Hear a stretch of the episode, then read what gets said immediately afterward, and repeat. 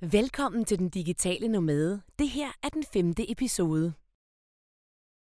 Det er en del af universet Mille Speak Out, som du finder på millespeak.com. Der laver jeg både podcast, foredrag og speaker. Hvis du godt kan lide de her podcast, så giv den en anmeldelse i iTunes eller hvor du lytter til din podcast. Tak for det. Det er et personligt univers, hvor jeg fortæller om mine oplevelser som udenlandsdansker og som digital nomade. Og en digital nomade, eller location independent, som det også hedder, det er altså en, der kan tage sit arbejde med rundt i verden og bo, hvor de vil, samtidig med, at man arbejder. Og jeg fortæller om, hvordan det er at flytte min familie til udlandet og måske hjem igen. Og hvor får du egentlig modet fra til at gøre det? Og jeg vil fortælle dig om alle mine udfordringer ved at bo i et nyt land, men også, hvor fantastisk givende det er. For den her podcast, den handler i den grad om mod – den handler simpelthen om at være modig. Den handler om bare at gøre ting, i stedet for at blive ved med at sidde på hænderne. Det synes jeg selv, at jeg er ret god til, men det betyder altså ikke, at jeg ikke også er meget angst for alt det nye, for det er jeg. Men helt ærligt, så tror jeg, at vi får et sjovere liv, hvis vi er mere modige og tager nogle flere chancer. Men i dag, der skal den her podcast handle om, hvad koster det egentlig? Hvad koster det at flytte til udlandet? Hvad koster det for eksempel at bo i Spanien? Det var i hvert fald nogle af de tanker, som min mand og jeg vi gjorde os, inden vi flyttede. Og øh, kan, hvad kan vi egentlig leve af? Kan vi leve af én løn? Skal vi have to lønninger? Rigtig ofte så får jeg faktisk øh, breve og e-mail, ah, måske ikke så mange breve, men, men e-mail fra folk, der spørger, Mille, hvad koster det at, at gå i skole dernede? Og hvad koster jeres hus? Og hvad kan I leve for? Kan man egentlig få et arbejde? Og alle sådan nogle ting.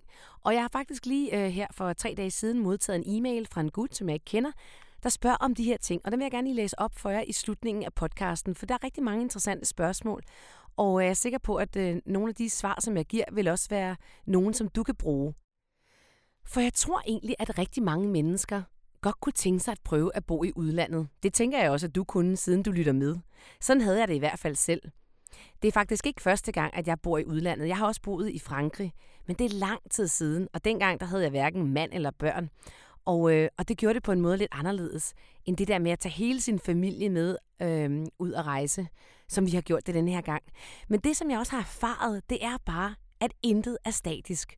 Også selvom vi vælger på et tidspunkt måske at tage hjem til Danmark, fordi vi måske vil prøve det igen, så ved jeg bare nu, at intet er statisk. Vi kan altid rejse igen.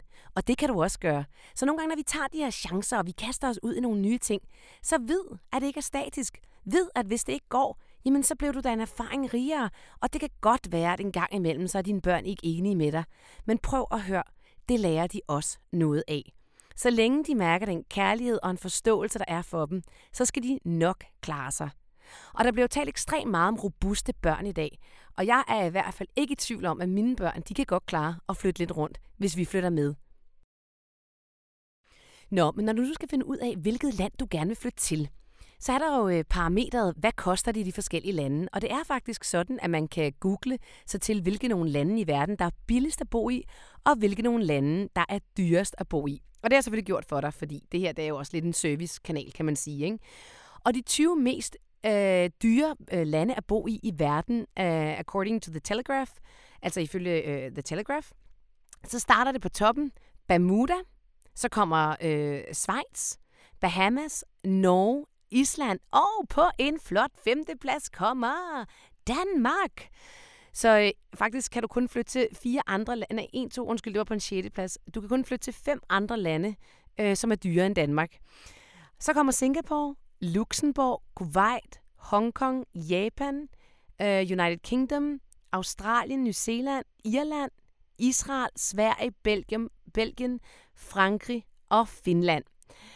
Og det er altså de dyreste lande, som øh, man kan flytte til. Men så skal man jo også lige tænke på, at der kan jo også være byer inden for øh, andre lande, som egentlig er billige. For eksempel i England, der er London jo sindssygt billigt. Eller i USA er Sagde jeg billigt? Nej. London er ikke billigt. England er forholdsvis billigt, men London er jo dyrt. Og det samme med, med USA, altså med New York er jo også sindssygt dyrt. Så selvom landet generelt godt kan være billigt at bo i, så øh, kan storbyerne jo faktisk være ekstremt dyre at bo i. Derudover så, øh, Så har jeg selvfølgelig også fundet ud af for dig, hvilke nogle øh, lande, der er utrolig billige at bo i. Og sjovt nok, så er Spanien altså ikke på den her liste. Og jeg vil altså sige, at øh, i forhold til Frankrig og Italien, som jeg selv har rejst meget i også, der ligger Spanien øh, helt klart billigere end, øh, end de to lande. Og så for eksempel Grækenland er faktisk billigere end Spanien. Der kunne man jo også overveje at flytte til. Der er jo også sindssygt smukt i Grækenland. Øh, der har jeg faktisk været rigtig mange gange tidligere. Nu skal du se her. Der er det så de 20 øh, billigste lande i verden at flytte til. Der på førstepladsen der ligger Indien, så kommer der Moldova, det ligger mellem Rumænien og Ukraine.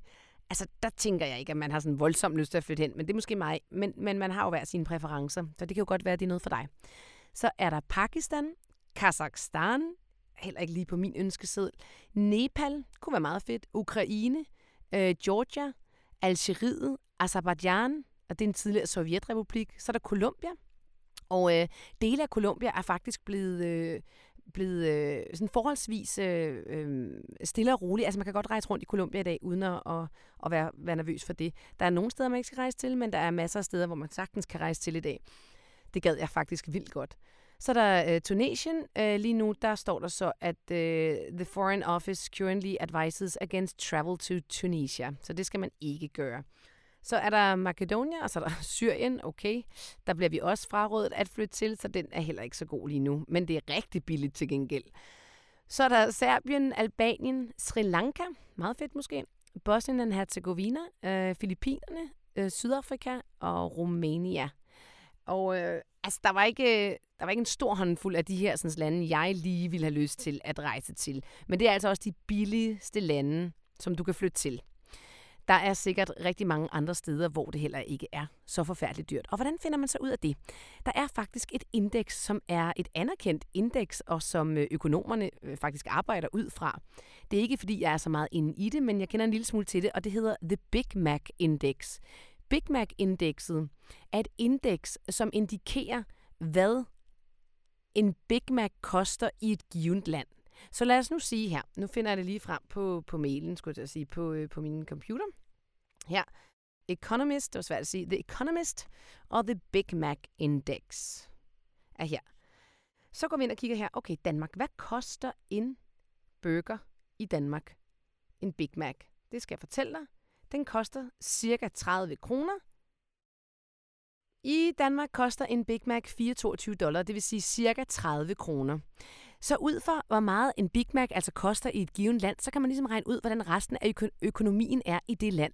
Altså er Big Mac'en dyr, jamen så vil de resterende ting, man kan købe i det land, også være derefter. Er Big Mac'en billig, jamen så kan man også regne med, at resten af de ting, som man kan købe i det land, er billigt. Og ud fra det her indeks, så kan man så ligesom vurdere, at det er et land, hvor det koster mange penge at bo i, eller er det et land, der ikke koster så mange penge at bo i. Og øh, det er skidesmart, synes jeg. Det, for eksempel, hvis vi nu kigger på det allerbilligste, som der lige er på denne her liste, det er Ægypten. Der koster en Big Mac 1,46. Og øh, det er vel omkring 10 kroner eller sådan noget. Men lad os lige finde et land, man rent faktisk gad at tage til. Skal jeg se her. Mexico. Der skal jeg faktisk til om ikke så længe. Øh, godt. Der koster en Big Mac 2,23 dollar. Det vil sige, den står vel i sådan noget 7, omkring 7, måske lidt mere. Øh, 14, 15, 16 kroner, ikke? cirka. Det vil sige, det er halvdelen af, hvad du giver i Danmark. Så kan du godt regne med, at øh, det skal halvdelen af dine udgifter fra, når du rejser i Mexico i forhold til i Danmark. Så det er jo meget smart. Og hvad har vi ellers af spændende? Hvor kunne man ellers tænke sig at rejse til? Japan for eksempel. Og Japan var også dyr. Men trods alt billigere end Danmark, der koster en Big Mac 3,26. Lad os se, hvad vi ellers kan finde på her. Costa Rica. Åh, oh, det lyder også lækkert. Der er smukt, tror jeg.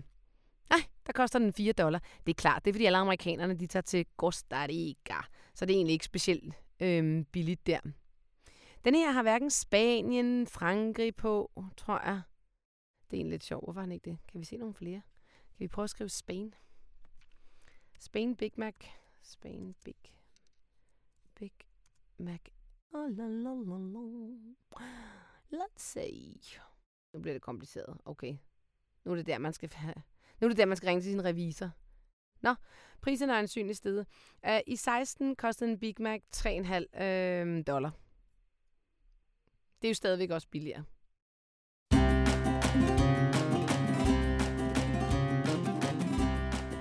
Så det her sådan, så Big Mac-indeks, som mange økonomer altså arbejder ud fra, det kan man altså bruge til at finde ud af, hvad koster tingene ellers i det land, som man flytter til. Men lad os nu sige, at du godt kunne tænke dig at tage til udlandet. Nærmere betegnet Spanien, fordi det er jo lige præcis det, jeg ved noget om. Og det kan give dig en masse konkret økonomi på, om man så må sige. Lad os forestille os, at øh, I er en familie med to indkomster, og øh, I vælger at flytte til Spanien. Men det er kun en af jer, der kan realisere øh, jeres arbejde videre i Spanien, og den anden bliver nødt til at sige op. Og så lad os sige, at øh, jeg formoder, at en gennemsnit dansker tjener sådan cirka 30.000 kroner, vil jeg tro. At de så har 30.000 kroner at bruge for om måneden, før skat selvfølgelig. Så kan jeg fortælle, at til sammenligning tjener en, øh, en spansk skolelærer 9.000 kroner om måneden før skat. Det vil sige, på én indkomst har I altså tre gange så meget, som en spansk skolelærer får, får øh, for at arbejde i Spanien. Så det kan man godt leve af. Sagtens. Den anden ting er selvfølgelig, at har du et arbejde, hvor du bliver nødt til at tage overlov fra, eller du bliver helt nødt til at sige op, så skal du selvfølgelig overveje konsekvensen af at sige dit arbejde op. Fordi hvis det ikke er et arbejde, du kan få, til, få tilbage, når du kommer hjem igen, og det er et arbejde, du er rigtig glad for, så skal man selvfølgelig overveje, om det er konsekvensen værd at ture og springe ud i det her nye eventyr, eller ud på dybt vand.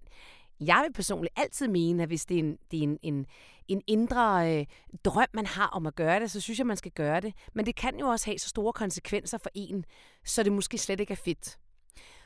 Og det er altså sådan, at hvis du tager til Spanien og skal have et arbejde, så er lønningerne altså lave. Og jeg vil sige sådan, og det her, det er et virkelig, virkelig godt råd. Tingene i Spanien er billige. Men din indkomst, altså det du tjener i Spanien, er virkelig også lav. Så man kan sige, det er helt klart sjovest at have en dansk indkomst, som du kan bruge i Spanien. Og det vil jeg faktisk råde dig til. Det er langt sjovere, hvis du på en eller anden måde har et erhverv, eller du kan pakke din, dit erhverv ned i noget, du kan sælge på nettet, som jeg talte om i den digitale øh, nomade, afsnit 2 og også i afsnit 3, som du kan sælge på nettet. Fordi det gør bare, at den indkomst, du får, og den, de lønninger, vi har i Danmark, er jo så meget højere, tre gange så høje faktisk, som de er i Spanien. Det vil sige, at du kan leve af én løn. Øh, du kan brødføde hele din familie for den ene løn. Så det vil jeg altså råde dig til. Så lige meget hvad du laver, så prøv vidderligt at tænke i, om du kan have en dansk indkomst. For det er sådan i Spanien, at lønningerne er altså sindssygt lave. Alle øh, arbejder hernede for 10 euro i timen, eller mellem 7 og 10 euro i timen. Det er altså 50-75 kroner i timen. Det er altså ikke en særlig høj løn. Og, øhm, og, og jo, du, du kan da godt leve for det, men så er her altså heller ikke billigere.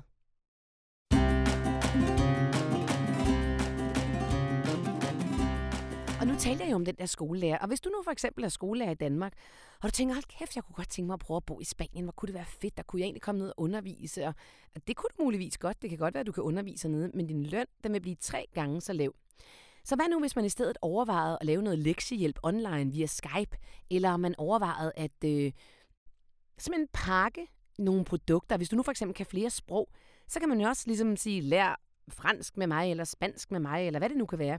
Skal du op til eksamen, så kan man have et, øh, et program, eller et, et produkt, der hedder det. Jeg hjælper dig med 10 Skype-sessioner, og så er du klar til eksamen. På de øh, 10 timer vil du have tjent mere end en skolelærer. Måske ikke lige på 10 timer, men du, din løn vil jo være højere. Dermed kan du arbejde mi- mindre, og du kan have mere frihed. Og er det ikke det, vi alle sammen godt kunne tænke os? Jeg ved i hvert fald, jeg godt kunne. Og øh, denne her morgen, der stod jeg for eksempel op og gik ud og surfede halvanden time i morges. Og det kan jeg, den har, mulighed, den har jeg simpelthen. For det liv, jeg lever, har givet mig så meget mere frihed. Og man kunne jo også overveje, at måske vil man jo gerne arbejde mindre. Det er der i hvert fald rigtig mange danskere, der gerne vil. Ifølge arbejdskraftundersøgelsen, der drømmer faktisk 407.000 arbejdsduelige danskere om at arbejde mindre, end de gør i dag. Og det synes jeg er en virkelig interessant tanke.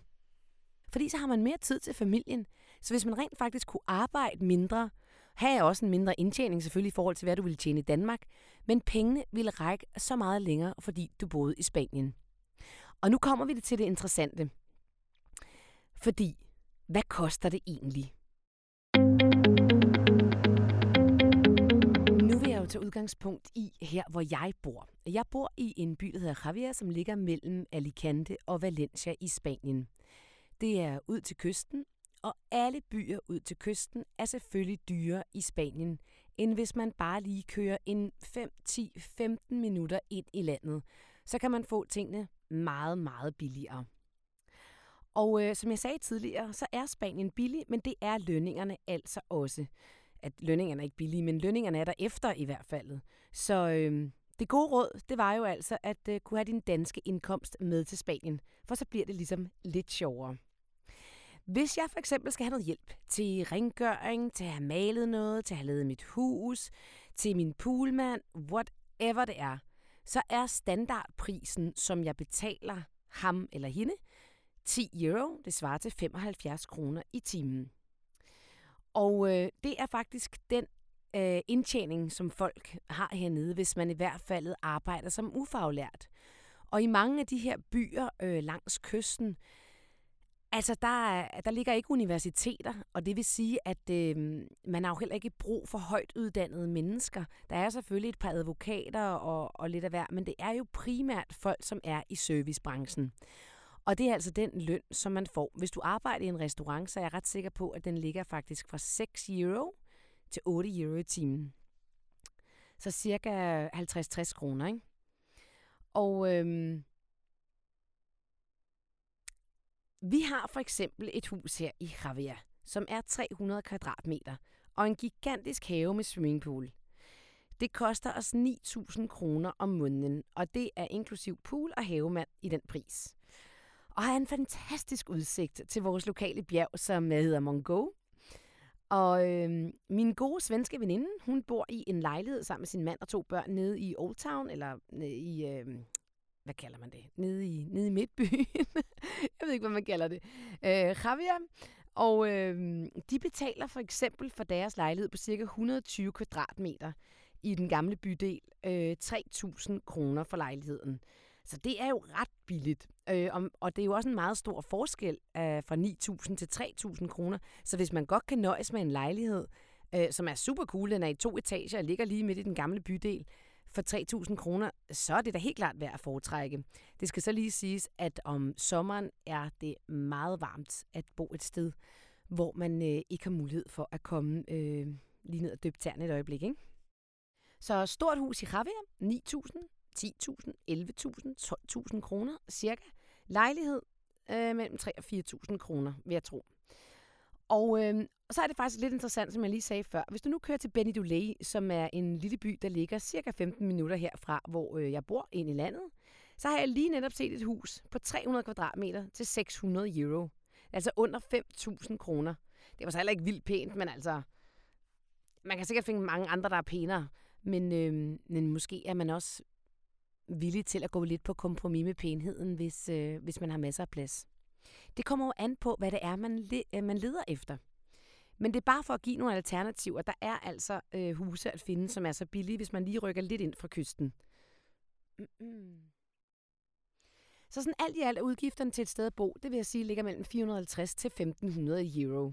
Selvfølgelig alt efter, hvad du på udgik efter. Hvis du godt kan lide den her podcast, så del den med dine venner på Facebook eller LinkedIn.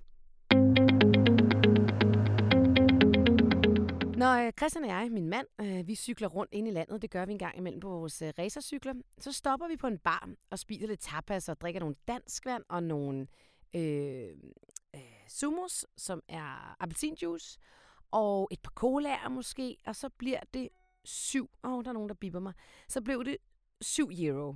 7 euro. det er altså 56 kroner for to mennesker med to vand, to cola, to juice og lidt tapas og måske lige en tostada. Det er jo sindssygt billigt. Rigtig mange steder på mange spanske barer, der kan du også gå ind og få en canja og en tapas for 1 euro, altså en øl og en tapas til for 1 euro. Og hver gang du bestiller en øl, så får du en tapas til. Det vil sige, at du kan egentlig sidde og spise dig mæt for 3 euro og har fået tre øl, hvis du har lyst til det. Øhm, men det er altså på de spanske steder, det her. For eksempel her, hvor jeg bor i Javier, har vi en øh, thai-restaurant øh, med udsigt over vandet og lækkert interiør. Og øh, dernede der er det selvfølgelig lidt dyrere, fordi de også importerer varerne. Øh, og alle varer, der selvfølgelig bliver importeret, er jo dyrere, det er klart nok. Der bliver det for eksempel 500 kroner for to voksne og to børn. Og øh, det er måske med to glas vin og mm, fire vand og måske to juice og fire, fem, seks retter. Så det er jo stadigvæk sindssygt billigt. Øhm, eller det synes jeg i hvert fald, fordi når jeg er i København og spise med mine venner, hvilket jeg er en gang imellem, så går jeg der fra restauranten og har betalt 500 kroner kun for mig selv. Øhm, og så har jeg lært en ting, man ikke skal gøre. Hold da op, man skal ikke bestille glasvin i Danmark. Det er jo sindssygt dyrt. Det er der fuldstændig glemt alt om. Hvor her, det kan du roligt gøre. For det koster aldrig mere end 4 euro, lige meget hvad du bestiller. Men øh, det er lige et godt råd den anden vej rundt. Mad i supermarkedet det er også billigere. Men altså, det kommer selvfølgelig an på, hvad du køber. Jeg havde faktisk lige en snak med min veninde her i øh, formiddags, hvor jeg sagde, jeg synes egentlig ikke, at sådan frugt og sådan noget var specielt billigere i Spanien end i Danmark. Hvor efter hun bare begyndte at grine og siger til mig, at det er meget lang tid siden, du har handlet ind i Danmark, øh, unge dame. Hvilket måske er rigtigt nok. Det kan være, at jeg faktisk i virkeligheden slet ikke kan huske, hvordan priserne er. Men hvis du for eksempel gerne vil købe økologisk i Spanien, hvilket jeg godt kan lide at gøre, så er det ikke særlig meget billigere. Jeg tror, det ligger på niveau med, med de danske priser. Øhm, når jeg går ned til min øko-pusher, Oscar hedder han, som øhm, har sådan en øh, lille økostal ude midt i hans øh, orange øh, plantage der, så øhm, køber jeg sådan en stor kasse for cirka 40 euro. Det er 300 kroner. Ja, 300 kroner cirka, ikke? Og øhm, det tænker jeg, at det også koster i Danmark. Men altså, hvis man køber lokalt, så er det helt klart billigere. Vin, ja, det er til gengæld sindssygt billigt. Det giver jo sig selv. Det skal ikke faktisk så langt, og du kan sagtens få nogle okay flasker for 40 kroner i supermarkedet. Du kan også få mange vine, der er helt ned til 2 euro, altså 14 kroner. Ja, det ved jeg så ikke lige om... Jeg er blevet rigtig glad for dyr vin, så jeg synes egentlig ikke, det smager specielt godt længere, men det er levet fint af det i starten. og levet af det er måske så meget sagt, men øhm, kunne i hvert fald godt drikke det en gang imellem. Fisk er sindssygt billigt. Vi køber meget ofte en stor klump frisk tun på sådan cirka en 400-500 gram, og det koster cirka 6 euro, altså 50 kroner. Eller rappe, som er havtaske, samme dur. Ting, som er virkelig dyre i Danmark, det får du altså smidt i nakken her. Hvilket selvfølgelig betyder, at vi spiser som konger og baroner. Det er meget ofte, at vi spiser lækker fisk. Og øh, vi kan virkelig også godt lide noget sådan ekstravagant. Østers også sindssygt billigt her. Og faktisk selv, øh, hvis man er meget interesseret i mad, så er der sindssygt mange øh, Michelin-restauranter i netop det her område, hvor jeg bor, som har to og tre stjerner, hvilket jo er ret mange stjerner. Og det er faktisk sådan i Spanien, at øh, de slet ikke er lige så dyre som andre steder i verden.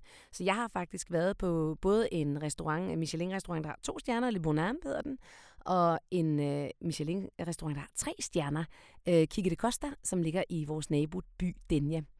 Og øh, det var altså noget med at øh, få 17 retter for 1.500 kroner. Det er altså på en 60-stjernet Michelin-restaurant, det her. Ikke? Du har 10 tjenere en hel aften. Og så var det 750 kroner for en vinmenu cirka.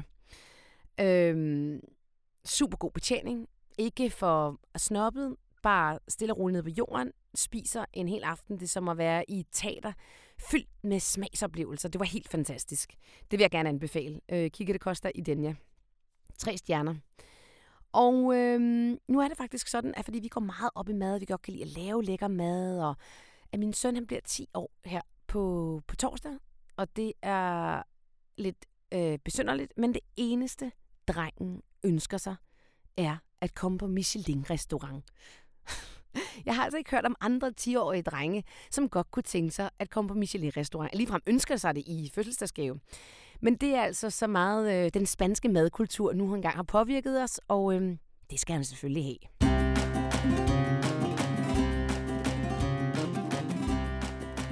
Men altså alt i alt så er vores madudgifter, når vi ikke lige går på 60 Michelin-restauranter, lavere her, end de er i Danmark. Sport er billigere. Og øh, det er jo en fordel, hvis man dyrker utrolig meget sport, både for en selv, men også for sine børn. Øh, jeg surfer for eksempel fem gange om måneden og er medlem af en surfklub. Det betaler jeg 45 euro for. Det svarer til 300 kroner. Det tror jeg ikke, jeg kunne melde mig ind i en eneste sejlklub i Danmark for. Og øhm, så går jeg til drop-in classes i yoga. Det koster 7 euro. Det er sikkert billigere, hvis man køber et medlemskab. Det gør jeg ikke, fordi jeg aldrig ved, hvornår jeg kan komme. 7 euro svarer til 50 kroner. Min søn går til fodbold. For en hel sæson, der koster det 750 kroner. Og øhm, ja, det tænker jeg måske egentlig, det også gør i Danmark. Det er jeg faktisk lidt i tvivl om. Min datter går til ballet. Det koster for halvanden time 9 euro. Det svarer til 80 kroner. Og det kan også godt være, det er nogenlunde det samme. Nej, det ved jeg faktisk det ikke er. Jeg har en veninde, som også øh, har børn som danser, og, og det ved jeg er langt dyrere. Så er der klavertimer, øh, som jeg også ved i Danmark er meget dyrt. Det får de her nede for 240 euro. For 12 timer, det vil sige 20 euro, det vil sige 150 kroner stykket. Ah, lidt mindre. Øhm, det tænker jeg heller ikke, man kan i Danmark. Så alle de der udgifter til både det, du køber dig til, din, altså til, dit, til dit hus, til din service, restaurantbesøg, dine udgifter til sport, dine udgifter til skole, dine udgifter til øhm, fodbold, surf, hvad de nu går til aktiviteter, er altså billigere. Jeg har været inde på et tidligere afsnit, øh, også da vi flyttede, det allerførste afsnit er jeg sikker på, det var, hvad det koster at gå i skoler. Skoler i Spanien er helt gratis, så du kan bare sætte dine børn i en spansk skole så øh, koster det dig ikke noget. I den her region, hvor jeg bor, der øh, tæller de Valenciano. Det vil sige, at skolerne har et stærkt øh, sådan i Valenciano-islet. Øh, Og det kan man sige er fint nok, men det er bare lidt ærgerligt, for man kan ikke rigtig bruge det andre steder end lige her. Så jeg synes ikke, mine børn de skulle øh, belemres med at lære øh, Valenciano, men, øh, men spansk og engelsk. Så derfor valgte vi så ikke at sætte dem på en spansk skole. Og jeg troede egentlig heller ikke, vi skulle være så længe. Men de er altså gratis, og de er udmærket, bortset fra, at jeg synes, de er går meget op i eksamener. Og børnene, de bliver altså... Fra en meget tidlig alder, så skal de gå op i test og test og test, og det synes jeg er lidt ærgerligt. Så hvis man ikke vælger en spansk skole, så kan man jo vælge en international skole. Den første skole, vi valgte hernede, den kostede cirka 500 euro om måneden. Det var en Steve Jobs skole, hed den. Øhm, den ligger i Javier, jeg kan slå den op. En udmærket skole. Og det er cirka 4.000 kroner. Og nu går de på en stor international engelsk skole, der hedder Lady Elizabeth. Det giver også slå op. I Javier, J-A-V-I-A. Og den koster 650 euro om måneden per barn, det vil sige 5.000 kroner. Vi betaler faktisk 10.000 i skole om måneden. Det er jo ret mange penge, men hele den udgift kan man altså lade være at have, hvis man har sine børn i en spansk skole. Så hvad vi betaler øh, for skolen, det er 10.000 og 9.000 for vores hus. Og så har vi selvfølgelig nogle udgifter til bil og forsikring, og det er altså ikke særlig meget. Det er nok en, en tredjedel af, hvad du betaler i Danmark. Øh, biler at købe i, øh, i Spanien er selvfølgelig også billigere. Jeg tror, vi gav mm, vi gav 30.000 for vores bil. Den er så også brugt og gammel. Og en Renault Megane øh, fra det sidste århundrede, men den kører stadigvæk, og den har lidt flere buler i, men øh, til gengæld, så når man skal ned og have den lavet hos, øh, hos ham, den søde mand der, som hjælper mig en gang imellem, så koster det jo ingenting. Det er jo nærmest, nærmest pinligt. Jeg får altid lyst til at tage en gave med til dem. Ja, det er de udgifter, som vi lige umiddelbart har, jeg kan komme i tanke om. Sport, skole, hus, forsikring og den dur. Men altså, har du nogle spørgsmål øh, til andre udgifter, som vi har, eller noget, du godt kunne tænke dig at vide, så skriv endelig til mig på den digitale nomade gmail.com. Og faktisk har jeg allerede fået et, øh, et brev eller en e-mail fra en gut, der hedder Henrik. Og jeg blev simpelthen så glad for det, for det er jo fedt at få sit første brev, når man laver en podcast. Og øh, jeg vil lige finde det frem her. Øh, han spørger om noget. Og han siger noget. Og han er også glad. Og det er sgu meget rart, ikke? når folk er glade. Det synes jeg altså, at det er. Han skriver, jeg læser ikke lige det hele op, det her det er Henrik, han skriver, jeg skriver til dig, fordi min kone og jeg her til formiddag har siddet og lyttet til dine to podcasts om at være digital nomade. Det har været inspirerende og motiverende at høre. Tak, siger jeg så. Jeg faldt over dit opslag her på LinkedIn om din podcast, så vi satte os ned med en kop kaffe og lyttede, mens vores to piger på 8 år fik lov til at sidde med deres tablets og hygge sig. Og så skriver han lige, det plejer de ikke at få lov til at bla bla. vi har gennem noget tid drøftet muligheden for at rykke teltpælene op og bo i udlandet, faktisk i Spanien ligesom dig. Så din podcast var, podcasts i flertal var meget interessante for os. Vi vil gerne prøve at tage til Benal Bena, jeg ved ikke engang, hvordan man udtaler det rigtigt, Benal Madena, tror jeg det hedder, som ligger i Sydspanien, øh, ned i, i hans forældres hus og øh, finde ud af, om de kunne rykke teltpælene op og flytte derned til. Din podcast har nu været med til at skubbe på i forhold til at føre drømmen ud i livet. Tak fordi du har delt dine tanker og erfaringer i din podcast. Det har inspireret og motiveret os til i endnu højere grad at overveje at føre drømmen ud i virkeligheden. Hold nu op, hvor blev jeg glad for den mail. Det er jo simpelthen så fedt at få sådan nogle tilkendegivelser, så man ved, at alt det hårde arbejde og alt det, man deler til jer lytter, faktisk er noget, I kan bruge. Jeg har lidt skrevet lidt frem og tilbage med Henrik, fordi jeg gerne ville selvfølgelig sige tak for det fine brev, men også øh, hvad de havde tænkt sig, de skulle lave. Og øh, det, der er issueet her, det er, at øh, de, skulle nok kunne, de skal nok finde arbejde i Spanien. Hun har ikke noget arbejde, hans kone, fordi det har hun ligesom stoppet. Øh, men hun kan godt lide at gøre rent, hvilket jeg synes var helt vildt mærkeligt. Det skrev jeg også til ham. Hold da op, jeg kender altså ikke mange, der godt kan lide. Men det kan man jo godt finde arbejde øh, i hernede. Og så kunne hun godt lide at, at indrette folks hjem. Hun øh, var også uddannet frisør, og hun overvejede faktisk at øh, tage ned til Spanien og blive frisør igen. Sådan en frisør, som kørte ud til kunder og øh, måske sat hår til bryllup og hvad det nu ellers kunne være. Og det tænker jeg egentlig, at der kunne sagtens være et marked for, så det var jo en rigtig god idé øh, at tage med i sin overvejelse. Men igen, så skal man huske, som jeg sagde i starten, det er altså spanske lønninger. Han er selv konsulent i den finansielle sektor, og han træner bankfolk i kundedialog og salg og personlig udvikling. Og så skriver han til mig, så det kan jeg jo ikke tage med. Og så tænker jeg jo straks, hvorfor kan du ikke det? Det kan du da sagtens tage med. Prøv nu lige at høre her, venner. Vi skal se muligheder. Vi skal tænke ud af boksen. Vi skal finde ud af, hvordan kan det lade sig gøre. Men hvis vi siger til os selv, at det kan nok ikke lade sig gøre. Nej, gud fanden, så kan det ikke lade sig gøre. Men jeg skrev så tilbage til ham, hvorfor er det, du ikke mener, at det kunne lade sig gøre? Du kunne jo prøve at. Og så gav jeg ham nogle eksempler netop. Øhm, Hvorfor kan du ikke øh, undervise dem over Skype for eksempel? Hvorfor kan du ikke øh, pakke det sammen, sådan så du for eksempel tager hjem måske øh, to gange om måneden, og så beder du øh, din arbejdsgiver, eller hvem det nu er, du, du arbejder for, øh, at samle tingene, så man simpelthen går ind og siger, jeg er der på de og de og de dage, og resten af tiden, den lever man i Spanien.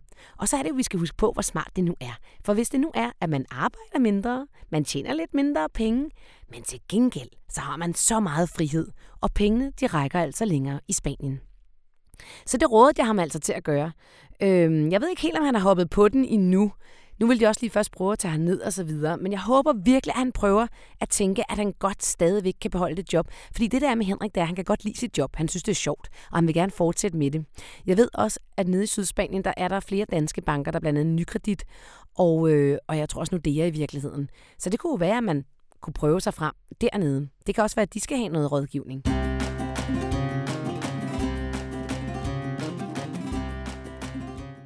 Hans kone og ham taler ikke spansk. Så det vil sige, at øh, hvis man kommer herned og forventer, at man skal have et arbejde, men ikke taler sproget, og det skal lige siges, de her mennesker, der bor i de her byer langs kysterne, altså udlændinge, ikke? rigtig mange af dem er vokset op hernede. Og det vil sige, at de kan så mange sprog, og de er virkelig dygtige. De kan spansk flydende, de kan engelsk flydende, de kan eventuelt dansk flydende, hvis de er danskere. Så kan de øh, hollandsk flydende, de kan tysk flydende, de kan sindssygt mange sprog. Russisk, fordi der er så mange udlændinge. Så hvis man kommer ned, og man bare kan dansk og lidt engelsk, så har man altså ikke, øh, altså har man altså ikke så mange parametre at, øh, at spille på, vil jeg sige. Fordi alle de andre, de kan 5-6 sprog, og de arbejder altså stadig i en restaurant. Så det der med at, øh, at tro, at man skal ned og, og, og Ja, jeg ved det ikke. Det, det, det, det, kan, det kan selvfølgelig godt lade sig gøre. Nu er det mig, der er negativ. Ikke? Det skulle jeg ikke. Selvfølgelig kan det godt lade sig gøre. Hvis man tror på, at det kan godt lade sig gøre, så kan det godt lade sig gøre. Så man kan selvfølgelig lære spansk og, og, og få et arbejde i Spanien, men det er bare lidt sværere. Der, og arbejdet hænger altså heller ikke på træerne. Der er ikke økonomisk krise i Spanien mere, men arbejdsløsheden er altså stadig relativt høj. Så jeg anbefalede altså Henrik, at han gjorde det, at han simpelthen pakkede sine ting, sådan så han sagde, jeg er der på det tidspunkt, og på det tidspunkt, og på det tidspunkt. Og så er der tre timer i et fly hjem. Det er jo ikke særlig lang tid. Samtidig så synes jeg, han skal tage kontakt til de banker, der er nede i, i Sydspanien. Fordi øh, i den grad, øh, og jamen, ved du hvad, man kunne også tage fat i, i spanske banker. De skal da lære engelsk for eksempel. De taler så dårligt engelsk, de mennesker, der sidder der. Det kunne også være en idé, man kunne prøve. Hvad ved jeg? Jeg er ikke bankmand, men jeg tænker bare, at det er en god idé at tænke ud af boksen. Og jeg håber jo virkelig, at Henrik og hans kone, de finder ud af det her, og de finder ud af at gøre det. For jeg tror vidderligt, at de vil blive så meget lykkeligere. Jeg tror nemlig på, at når vi forfølger de drømme, som vi har, så bliver vi nogle gladere mennesker. Og det kræver selvfølgelig noget mod. Det gør det. Det kræver nogle opoffrelser. Op, ja, jeg er så speaker. Det er meget svært at tale. Det kræver nogle opoffrelser. Men til gengæld, så skal man også prøve at se på det, man får. Og jeg kan da selv afsløre, at øh, jeg arbejder måske omkring um, fire timer om dagen. Øhm, resten af tiden, der surfer jeg, eller dyrker yoga, eller er på min cykel, eller løber, eller nogle af de ting, som jeg synes er pissefedt. Og øh, jeg har sindssygt meget frihed ved at, øh, ved at bo i Spanien, fordi at jeg jo netop har en dansk indkomst. Og jeg synes egentlig, at hele det der frihedsbegreb er super spændende, og måske også mere relevant end nogensinde. Som jeg sagde tidligere, vil rigtig mange mennesker gerne arbejde mindre, end de gør. Og selvom spanierne egentlig arbejder ret meget, så er de altså også ret gode til at tage det stille og roligt. Tranquilo og mañana blev altså ikke opfundet for ingenting. Jeg vil snakke mere om frihed i en af mine andre podcasts. Så jeg vil egentlig bare øh, ønske dig held og lykke med dit projekt, og så virkelig bede dig om at tænke, det her, det kan jeg godt, hvis jeg gerne vil. Virkelig tænk ud af boksen i forhold til dit arbejde. Du er også velkommen til at skrive til mig, hvis du tænker, ah, måske Mille kunne komme nogle idéer til, hvad man kunne lave, eller hvordan man kunne få arbejde, eller om jeg kan se, hvordan du kan tage tingene med. Det kan jeg måske, det kan jeg måske ikke, men jeg vil i hvert fald gerne give det et shot. Så skriv endelig til mig på den digitale nomade, gmail.com. Tusind tak, fordi du lyttede med. Jeg håber, at øh, du fik noget ud af det. Jeg håber, det gav dig et indblik i, hvordan du øh, kan have en, øh, en økonomi i Spanien. Og jeg håber, at du flytter derhen til, hvor du har lyst til. Tak fordi du lyttede. Hvis du godt kan lide den her podcast, så del den på Facebook eller LinkedIn, eller hvor du deler dine ting på sociale medier.